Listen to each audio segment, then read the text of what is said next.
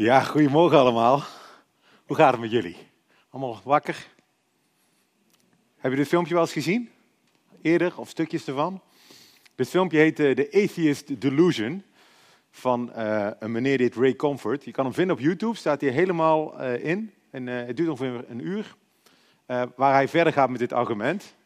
Het is best interessant om te zien hoe, deze meneer vond ik al heel interessant, die begint met er is niks en die eindigt al met, hoe, ja, wat je nou roept lijkt als een 747 die van zichzelf in elkaar gezet is. En moet je maar eens kijken. Uh, Comfort probeert mensen aan het twijfelen te brengen over hun standpunt dat er geen God bestaat. Dat is, uh, ik vond het wel wat raakpunten hebben met wat we uh, vandaag over gaan hebben. En Ray gebruikt rationele argumenten. En ik weet, een aantal van jullie vinden dat geweldig. Ik vind dat geweldig. Een aantal van jullie hebben daar niks aan mee. Dat kan. Toch welkom bij de brug. Ik hoop dat je een fijne dienst hebt. En misschien dat je op een gegeven moment afhaakt. Of dat je denkt van nou, hier heb ik vragen over. Of, ik ga niet met je mee. Het is geen makkelijk thema waar we vandaag over hebben. Maar ik, ga, ik probeer wel op de rationele kant vandaag in te steken. En daar kom ik zo meteen wat verder op.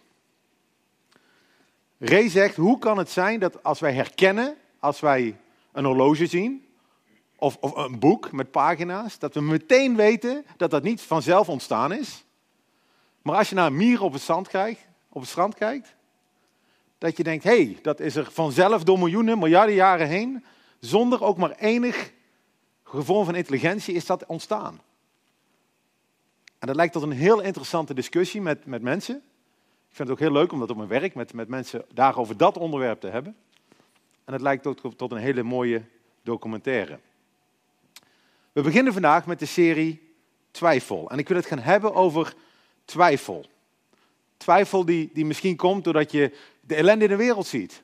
Of omdat er iets met jezelf gebeurt. Waarvan je denkt, ja, hoe kan er nou een God zijn als er dit gebeurt in mijn leven? Hoe kan er een God zijn als ik dit zie op televisie? Misschien heb je twijfel omdat je ook steeds meer mensen uit andere culturen, andere geloven tegenkomt. En denk, ja, hoe kan het nou zijn je kan toch niet één de waarheid hebben? Dat kan toch helemaal niet? Daar gaan we het ook over hebben in de derde deel. Gaan het hebben over kerstmis. Of kerst niet gewoon een mythe is. Want iedereen weet dat Jezus niet geboren is op 25 december. Dus, dus hoe, waar, komt dat eigenlijk vandaan? En is het niet een, een verzonnen verhaal? Dat bewaren we tot kerstavond. Maar vandaag wil ik het hebben met twijfelen aan het bestaan van een God die je niet ziet. En misschien denk je, dat is raar. Zou een kerk niet moeten spreken over geloven in plaats van over twijfel? Zou ik hier als voorganger niet gewoon tegen jullie moeten zeggen: hou op met twijfelen en geloof gewoon? Zou deze serie niet moeten heten geloven in plaats van twijfelen? Nou, ik denk van niet. Natuurlijk denk ik van niet, want anders had ik deze serie niet gestart. Want de God waarin ik geloof en de God waarover ik lees in de Bijbel, de God die ik je gun, hebben we de laatste serie over gehad, is een God van relatie. Een God van waarheid. Een God die wil dat je eerlijk bent. En dat je niet doet alsof. En bij zo'n God mag je komen met je twijfels, met je moeilijke vragen. En mag je hem om een antwoord vragen. En ik denk dat als je dat doet, dat je geloof daardoor ook verdiept. Je kan natuurlijk al je twijfels wegstoppen en net alsof doen dat ze niet bestaan, want je moet groot geloof hebben. Maar als je met je twijfel en je vragen naar God gaat, dan denk ik dat je geloof daardoor kan verdiepen. Zeker voor degenen onder jullie die altijd al opgegroeid zijn in een christelijke cultuur bijvoorbeeld. Of altijd al naar de kerk zijn geweest. Als je altijd al hebt aangenomen door door je omgeving, of door je opvoeding, of door de mensen waarmee je omgaat, of door de kerk, dat God bestaat, dan is het heel belangrijk om er voor jezelf achter te komen. Waar geloof ik eigenlijk in? En dan is het goed om vraagtekens te zetten. En om daar een goede discussie over te hebben. En daar willen we als brug graag bij helpen. We willen onderdeel zijn van die discussie. Nou, ik weet niet hoe jullie vandaag gekomen zijn. Ik weet dat jullie allemaal nat waren. Maar ik weet niet hoe jullie hier vanochtend hier kwamen met, met, met vragen, met twijfels. Misschien ben je iemand die door iemand meegenomen is vanochtend. En kom je normaal nooit in een kerk. Je hebt eigenlijk helemaal geen twijfel dat God niet bestaat.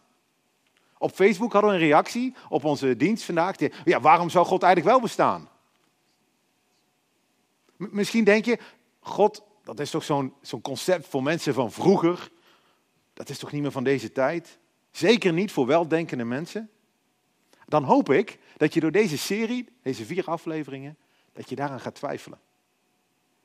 Er zijn meer dan 5 miljard mensen op deze planeet die wel geloven in een hogere macht. Er zijn meer christenen op deze planeet dan atheïsten. Dat is, geen bewijs natuurlijk, maar dat zou je wel aan het nadenken moeten zetten.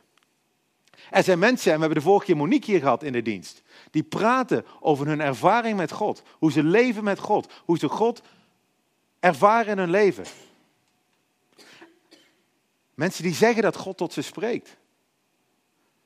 En ik heb dit veel te lang gedaan, maar het is veel te makkelijk. En ik heb zelf dus ook gedaan. Om te zeggen dat die mensen zich iets verbeelden. Of nog erger, dat die mensen minder slim zijn dan jij. Daar moet iets meer achter zitten. Het is te makkelijk om dat allemaal aan de kant te zetten. Sommigen van jullie zitten hier vanochtend en jullie hebben een rotsvast geloof in God. Er is niks wat ik hier vandaag kan doen. Er is niks wat er om je heen kan gebeuren zonder, zodat je aan twijfelen zou brengen. Jij weet dat God er is. God is er altijd al geweest voor jou. Je wandelt met God. En misschien heb je daar helemaal geen enkele vraag bij. Ik zou willen dat ik zo in elkaar zat, soms. Dat zou toch zo fijn zijn. Maar voor jullie ook, het is goed om te weten dat er mensen in je omgeving zitten die wel vragen hebben. En die niks hebben aan het antwoord, ja, dat geloof ik gewoon.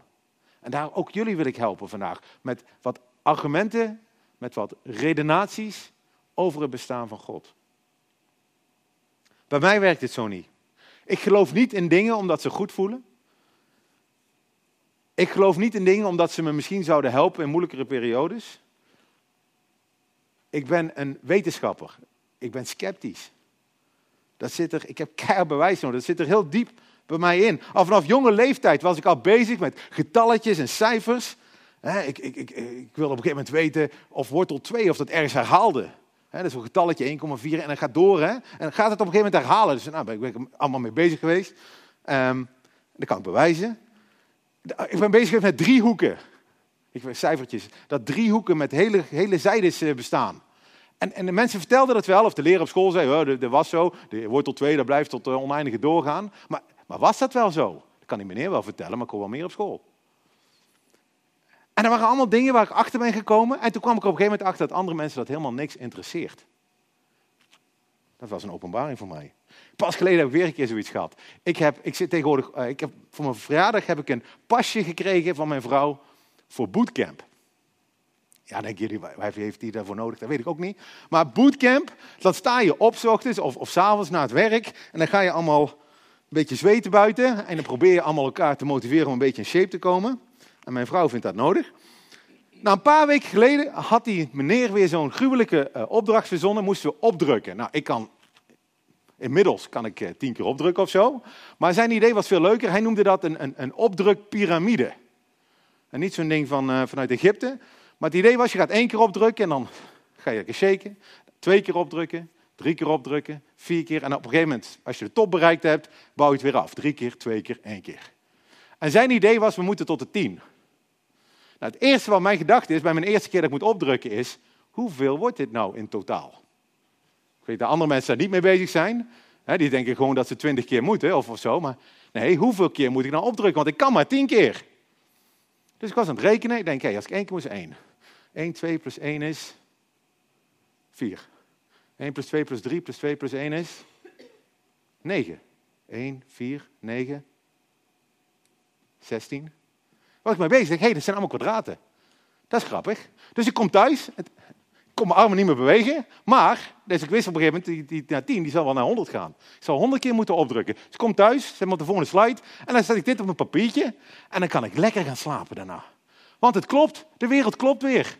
Het is waar. Als je tot 10 keer moet opdrukken, heb je 10 keer 10, moet je totaal opdrukken. Als je tot 20 moet, is 20 keer 20, 400 keer. Geweldig. De wereld klopt. Zo zit ik in elkaar. Ik enthousiast, ik in de bootcamp heb. Ik zeg, hey, ik heb een formule bedacht. We kunnen het uitrekenen de volgende keer.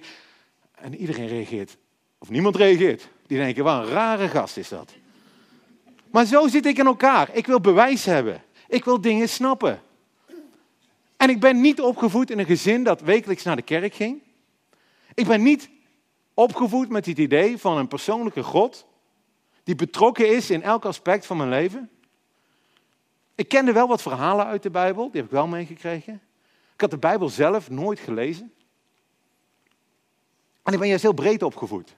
Er zijn moslims op de wereld, er zijn boeddhisten, er zijn joden, er zijn ook christenen. Geweldig dat iedereen op de wereld, er zijn atheïsten, iedereen heeft iets op de wereld wat betekenisvol voor ze is. Maar vermeng het vooral niet te veel met je dagelijks leven. Op mijn vijftiende ging ik naar een bijbelstudie. Dan denk je, maar, raar. Ja, niet om God te zoeken. Maar mijn vriend had gezegd, na tien keer aandruk, aan, aanmoedigen dat ik naar die bijbelstudie ging, zegt hij, Maarten, je moet een keer mee, dat zijn knappe meiden. hey, dat was een goed argument. Dat ik was 14 of 15, dat is een goed argument. Waarom ik mee naar een bijbelstudie gegaan? Daar was ik naar op zoek. Dat was relevant voor mijn leven. En pas jaren later, en dat is echt jaren later geweest tijdens mijn studie, kwam ik erachter dat de antwoorden waar ik zelf naar op zoek was in het leven, het doel van mijn leven, waarom ik een gevoel heb dat als ik naar het nieuws kijk, dat de wereld niet klopt, dat de natuurkunde, de wetenschap, mij daar geen antwoord op kon bieden. En toen ben ik gaan twijfelen. Toen ben ik gaan twijfelen aan mijn aanname dat God niet bestond. Dat is een heel proces geweest.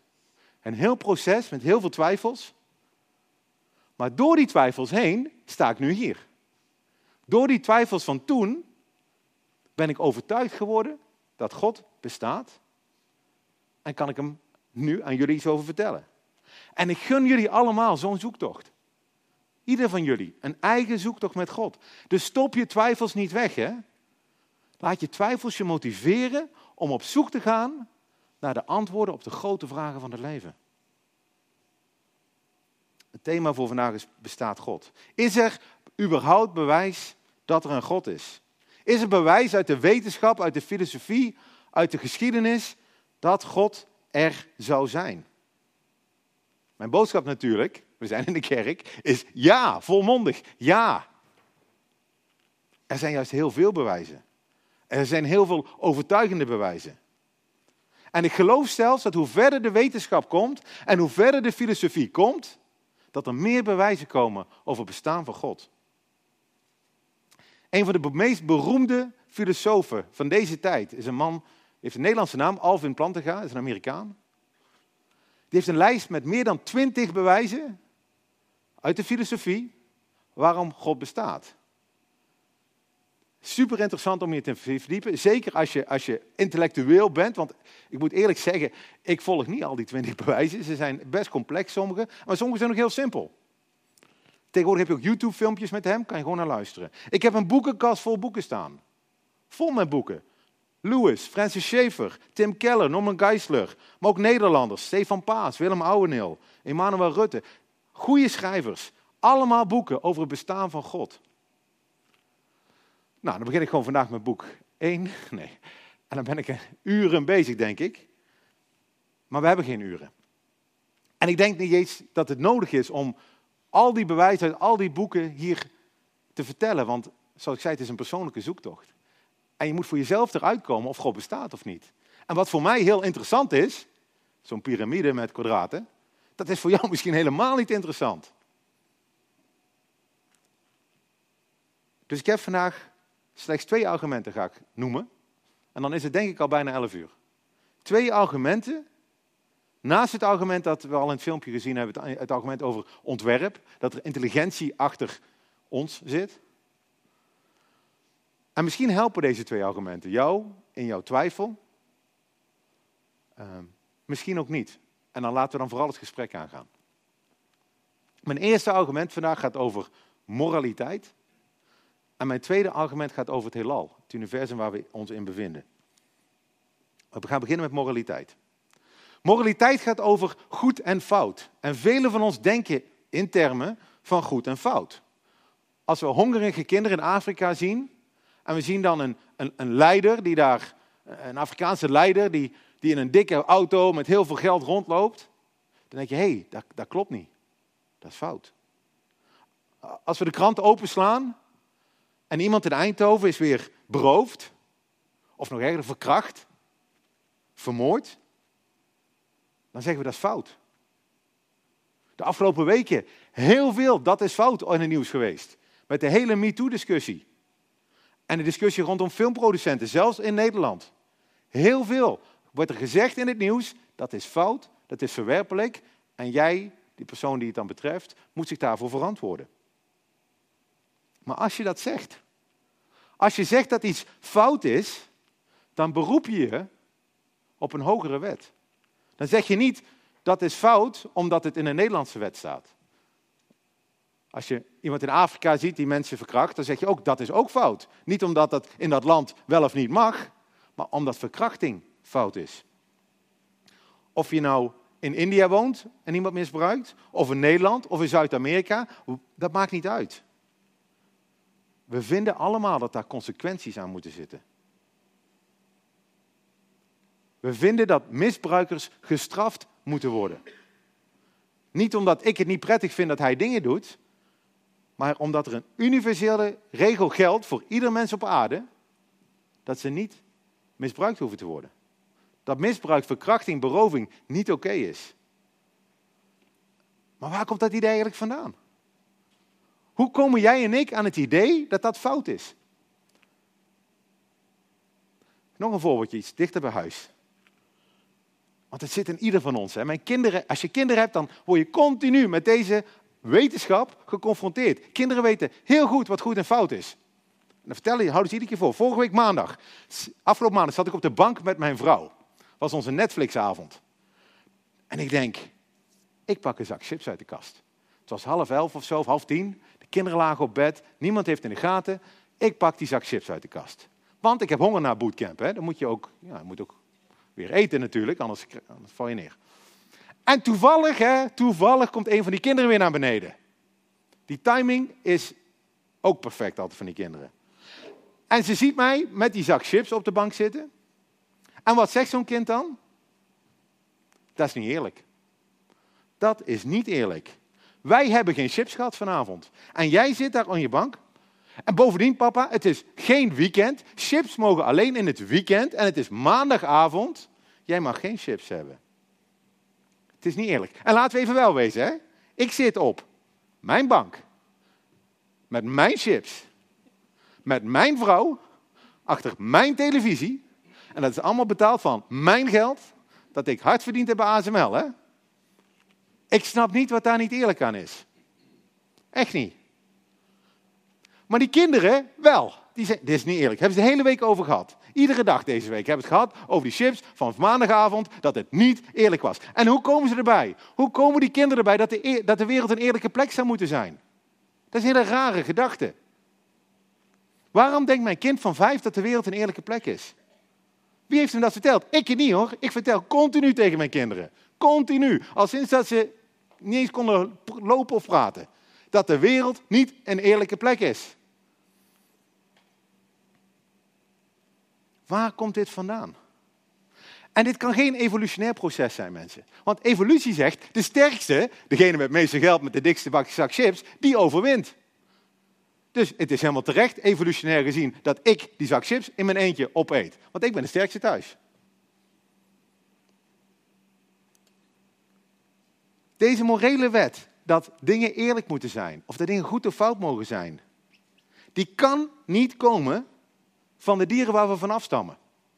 Dat kan niet. Als een leeuw een giraf aanvalt. Mooie filmpjes op YouTube trouwens. Als een leeuw een giraf aanvalt, dan gaan we die leeuw er niet aanklagen. Er is niemand op de wereld die dan die leeuw voor een of andere universele, uh, weet ik wat, Europese hof van uh, de rechten van, de, van, van een giraf sleept en zegt: Leeuw, jij mag die giraf niet aanvallen. Als, als haaien, dat is ook zo'n interessant voorbeeld. Als haaien met elkaar uh, naar bed gaan, dat doen ze natuurlijk niet, doen ze in het water, die hebben geen bed. Dan gaat dat heel gewelddadig. En het vrouwtje zit onder, die wordt gewoon verkracht. Maar er is niemand die tegen die haai zegt, dat mag jij niet doen, vriend. Die morele wet zit niet in de dieren. En als ik bij ASML kom en ik pak iemand en ik eet die op, dan zegt niemand, hij heeft bootcamp gehad uit honger. Dat doet niet niemand. Dan ga ik de bak in. Omdat iedereen weet wat ik doe, dat dat fout is. Dieren hebben de morele wet niet. Sterker nog, de dieren die die morele wet overtreden, die dus anderen verkrachten en anderen doodmaken, die hebben een veel grotere kans om hun genen door te geven. Die eten meer, die hebben meer seks. En de dieren die daar moreel bezwaar tegen zouden hebben, die zijn dood. Die hadden dat nooit kunnen doorgeven aan ons. Maar moord, verkrachting, genocide, allemaal verschrikkelijke dingen, racisme, die we op televisie zien, dat doet iets met ons, heel diep van binnen. Wij geloven met elkaar dat die fout zijn. En de mensen die dat niet geloven trouwens, die sluiten we op. Hè? Die gaan naar de Grote Beek of zo, of weet ik wat die doen. Die, of die gaan naar Pieter Centrum, worden ze geëvalueerd als je daar anders over denkt. Daarom protesteren mensen in Amerika. Die roepen Black Lives Matter. Waarom? Omdat racisme voor iedereen overal ter wereld verkeerd is. Niet omdat een groep mensen dat denkt, maar omdat het absoluut fout is. Niet vanwege natuurlijke selectie, want natuurlijke selectie zegt, sommige rassen zijn sterker dan andere, en het is oké als de sterker de zwakkere uitroeit, maar niemand van ons, hopelijk, is daarmee eens. Niemand leeft zo. We hebben allemaal, als we verschrikkelijke dingen zien op tv, dat, dat onze maag omdraait en dat we van binnen weten dat iets fout is. Waar komt dat vandaan? Ik weet niet of jullie Richard Dawkins kennen. Richard Dawkins is een heel bekende atheïst. Die uh, zijn missie in het leven gemaakt heeft om iedereen te vertellen dat geloof in God iets absurds en iets doms is. Maar iemand vroeg hem een keer, dat vond ik wel grappig, waarom ben je eigenlijk getrouwd, Richard Dawkins? Waarom ben je getrouwd? Het is toch veel logischer voor jou om met meerdere vrouwen die jij gewoon op straat vindt of weet ik waar, uh, jezelf voor te planten. Dat zou toch veel beter zijn voor jouw genetica? Dit zou veel evolutionair aantrekkelijker zijn, het zou veel Darwinistischer zijn. Maar zijn antwoord was, en een heel raar antwoord, hij zegt, ik maak een niet-evolutie, een niet-Darwiniaans besluit nu. Ik maak een besluit wat tegen alles gaat waar ik in geloof. Maar dat kan helemaal niet. Als je de film De Matrix hebt gezien, als je in de Matrix zit, kan je er niet uitstappen. Je kan niet zeggen, ik ben een product van evolutie, en dan zeg je, ja, maar ik stap even daar buiten en ik maak nu een besluit dat daar tegenin gaat. Dat is heel raar. In een andere discussie moet Dawkins toegeven dat het verkrachten van iemand, of dat wel of niet kan, net zo arbitrair is als dat we vijf vingers aan een hand hebben. Dat dat gewoon een random gevolg is van een kosmisch ongeluk. Maar niemand leeft zo. Sommige dingen zijn fout omdat ze fout zijn. Of je nou christen bent of niet. Hè? Christenen leven niet beter dan niet-christenen. Christenen hebben geen beter moreel kompas dan niet-christenen, denk ik. We weten allemaal wat goed en fout is. Het raar is, we doen zelf dingen, als je naar je eigen leven kijkt, waarvan je weet dat ze fout zijn. Kijk maar eens naar zo'n kind weer. Als hij de koekjes pakt, dan kijkt hij je aan. Niet omdat ik niet gezegd heb dat hij geen koekjes mag pakken, maar omdat hij van binnen aanvoelt dat het niet oké is om die koekjes te pakken. Waarom weten we dat? Waarom hebben we zelfbewustzijn? Waarom remt deze morele wet mij in mijn gedrag? Geen wetenschapper weet waarom. Evolutie geeft hier geen antwoord op. Ook Richard Dawkins niet. Hij zegt, ja, dat weten we niet. Maar op een dag zijn computers slim genoeg dat we er wel achter komen. Oké. De Bijbel geeft hier wel een antwoord op. In een brief aan de Romeinen schrijft, uh, schrijft Paulus, iemand die uh, eh, 2000 jaar geleden leefde en overal kerken startte, schrijft aan de kerken in Romeinen schrijft hij een reden voor deze wet. Hij zegt dit. Hij zegt die mensen tonen dat het werk van de wet geschreven is in hun hart. Daar getuigt ook hun geweten van. En in hun gedachten onderling beschuldigen ze of verontschuldigen ze elkaar. Hij zegt, die wet is in ons hart geschreven door God. God heeft ons zo geprogrammeerd. Dat is ook een theorie. En je mag ermee doen wat je wil. Maar voor mij was dit een van de grootste argumenten voor het bestaan van God. dat de theorie van Paulus meer hout snijdt dan die van Dawkins. Ik wist toen ik om me heen keek dat de wereld niet klopte. En tegelijkertijd kon ik alleen maar vanuit mijn natuurkunde, vanuit mijn wetenschappelijke positie zeggen dat het slechts een gevoel was en niet een feit. Dat er geen enkele reden was voor mijn gevoel, omdat we gewoon een product zijn van een kosmisch ongeluk. En dat er ook geen enkele reden zou moeten zijn om in te grijpen in Afrika, in Azië, in mijn eigen achtertuin, als er dingen gebeuren die niet kloppen. En ik wist dat er een andere verklaring voor moest zijn. En voor mij, als ik naar mijn eigen ervaring kijk en wat ik observeer om me heen, is het Bijbels verhaal. Dat iemand die morele wet in ons heeft gezet, veel waarschijnlijker. Iemand die ons een bewustzijn gegeven heeft. Iemand die ons een geweten gegeven heeft, waarin we kunnen weten wat goed is en wat fout is.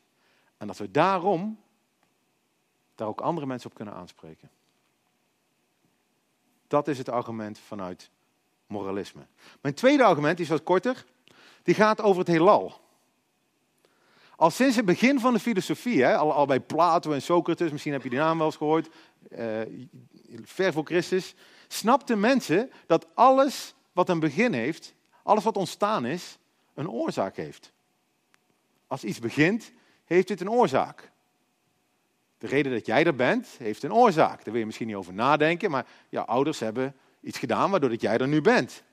Alles komt ergens vandaan, alles op de wereld. En voor, voor duizenden jaren dachten mensen dat er twee dingen waren op de wereld die niet begonnen waren. De eerste was God, want voor duizenden jaren heen hebben we in God geloofd. Maar het tweede was het heelal.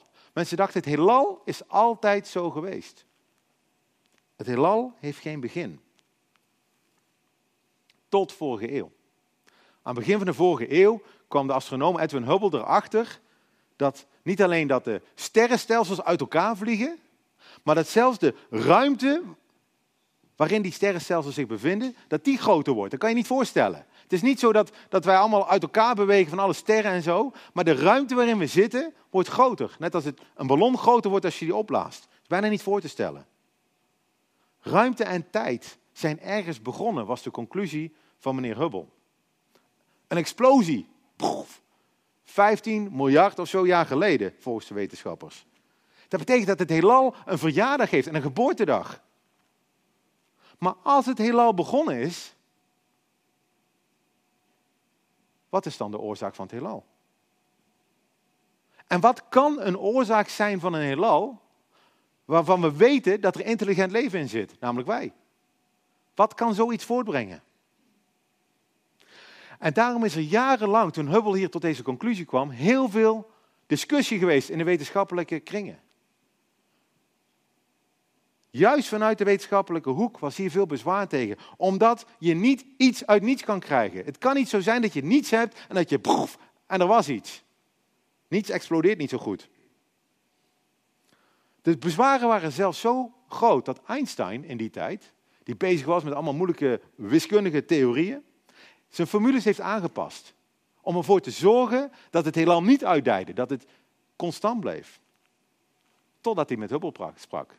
En hij erachter kwam dat hij fout zat. En later, nog voordat hij dood is gegaan, heeft Einstein gezegd: Dit is een van de grootste fouten van mijn leven geweest. Dat ik de wiskunde, het bewijs wat ik in handen had, wat ertoe leidde dat er een begin was aan het heelal, dat ik dat vanuit mijn eigen overtuiging eigenlijk gecorrigeerd heb. Weet je dat de Big Bang, de oerknal, dat die uit niets ontstaan is, is absurder dan de gedachte dat er wel iets achter zit, dat God erachter zit. Ook wetenschappelijk. Ik ben op Wiki gaan kijken van de week. Wat zijn dan die argumenten die mensen gebruiken? waarom, waar die Big Bang uit voortkomt? Dan heb je drie theorieën, hou je over. Eentje is de Big Bang komt uit niks. Nou, niks was er, het explodeerde en nou hebben we het. Het, het, het voelt, ja. Ik ken niks op de wereld dat zo werkt. De tweede is, aliens hebben het gedaan. Dat is natuurlijk een leuke. Aliens hebben het gedaan. Dan zit je al heel dicht bij God volgens mij trouwens hoor. De derde is dat we in een multiverse leven. Een oneindige reeks van heelallen die maar... En dat we toevallig nou in de juiste zitten. Dat er een oneindig... En dan heb je nog parallel universum, weet ik allemaal wat. Oneindig veel heelallen. Weet je hoeveel bewijs dat daarvoor is? Niks, want dat zeggen ze ook. Dat is allemaal, toen die vorige heelal uit elkaar geknald is, is de alle bewijs verloren gegaan. Toen knalde die van ons. Ja, daar mag, daar mag je in geloven. Geen bewijs voor. Maar als je om je heen kijkt, mensen. Kijk eens gewoon naar elkaar. Kijk eens naar je kinderen. Kijk eens naar die mooie plaatjes nu straks. Van die giraffen, die leeuwen. Die, al die gave plaatjes op dat scherm. Ook dat filmpje waar we mee begonnen. Dan is het toch overduidelijk dat er meer aan te pas gekomen is dan niets. Of een ongeluk. Een 747 zei die man. Dat is absurd dat een 747 in elkaar knopt door een knal. Jij en ik zijn oneindig veel meer complexer dan een 747. En zelfs de natuurwetten, de natuurwetten waarvan we denken dat die gelden. De zwaartekracht, kernkrachten, atomen, elektrische krachten, magnetische krachten. Niemand weet, Charles Dawkins ook niet, of Charles Dawkins, wie zegt nou? Richard Dawkins ook niet natuurlijk. Niemand weet waar die krachten vandaan komen. En je hebt ze wel nodig. Want als die krachten niet precies zo zijn zoals ze zijn, als ze maar iets zouden afwijken, zouden wij nooit een Big Bang hebben, zouden wij nooit een heelal hebben waarin we nu leven. Alles is precies afgesteld om het leven mogelijk te maken. En niemand weet waarom. De biologie heeft een, heeft een Darwin, een, een, een, iemand die kan uitleggen waar het ooit ontstaan is. Maar de natuurkunde heeft dat niet. Niemand weet waarom wetten er zijn. Niemand weet waarom er zwaartekracht is. En niemand weet waarom het allemaal precies zo afgesteld is. We zagen net in het eerste filmpje dat DNA, die boeken. En Francis Collins, dat is een van de twee wetenschappers geweest die het hele menselijke DNA helemaal uitgeplozen heeft. Helemaal ontcijferd heeft. Die heeft allemaal opgeschreven, in, of op computer natuurlijk, hoe dat helemaal in elkaar zit. Die zegt, de oerknal vraagt om een goddelijke uitleg. Ik zie niet in hoe de natuur zichzelf heeft kunnen maken.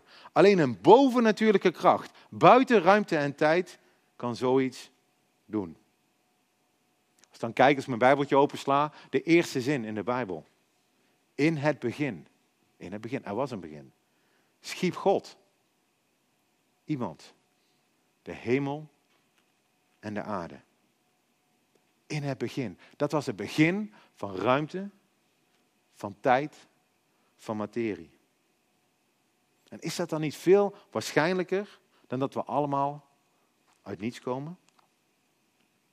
Het is in ieder geval een geloofsdiscussie. Het is niet zo dat één groep mensen allemaal feiten heeft en een andere groep mensen allemaal feiten aan de kant schuift. Oneindig veel heelallen. Die stapel bewijs is zeer klein. God. Iets komt uit niets. Wat is waarschijnlijker?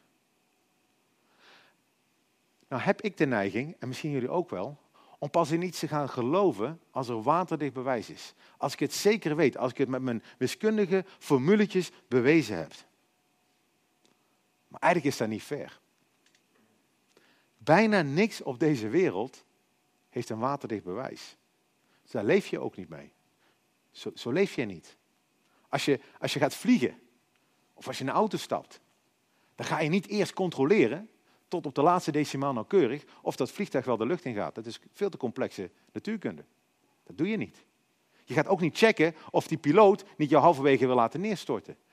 Op geloof, of om de, een overtuiging dat de KLM een betrouwbare luchtvaartmaatschappij is die zijn piloten opleidt en zijn vliegtuigen goed maakt, of Ryanair, waar je misschien bijna hetzelfde voor kan zeggen, stap je in dat vliegtuig en ga je mee.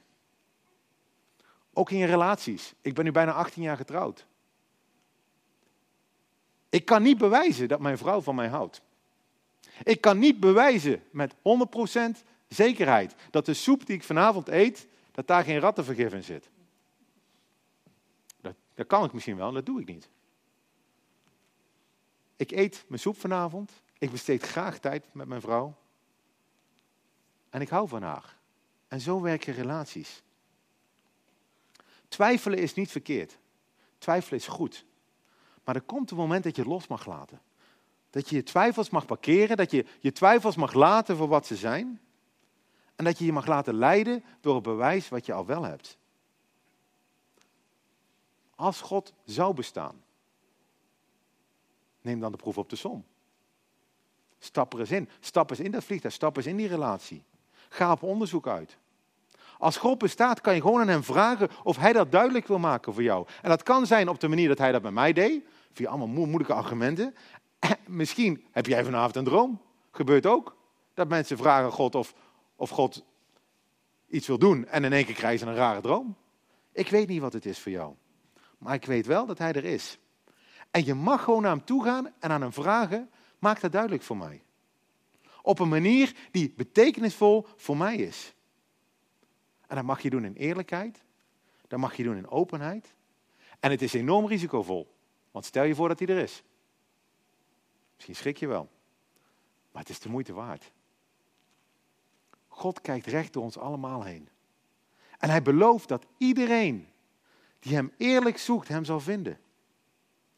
En ik kan praten hier tot vanmiddag met al mijn boekjes en al mijn wetenschap.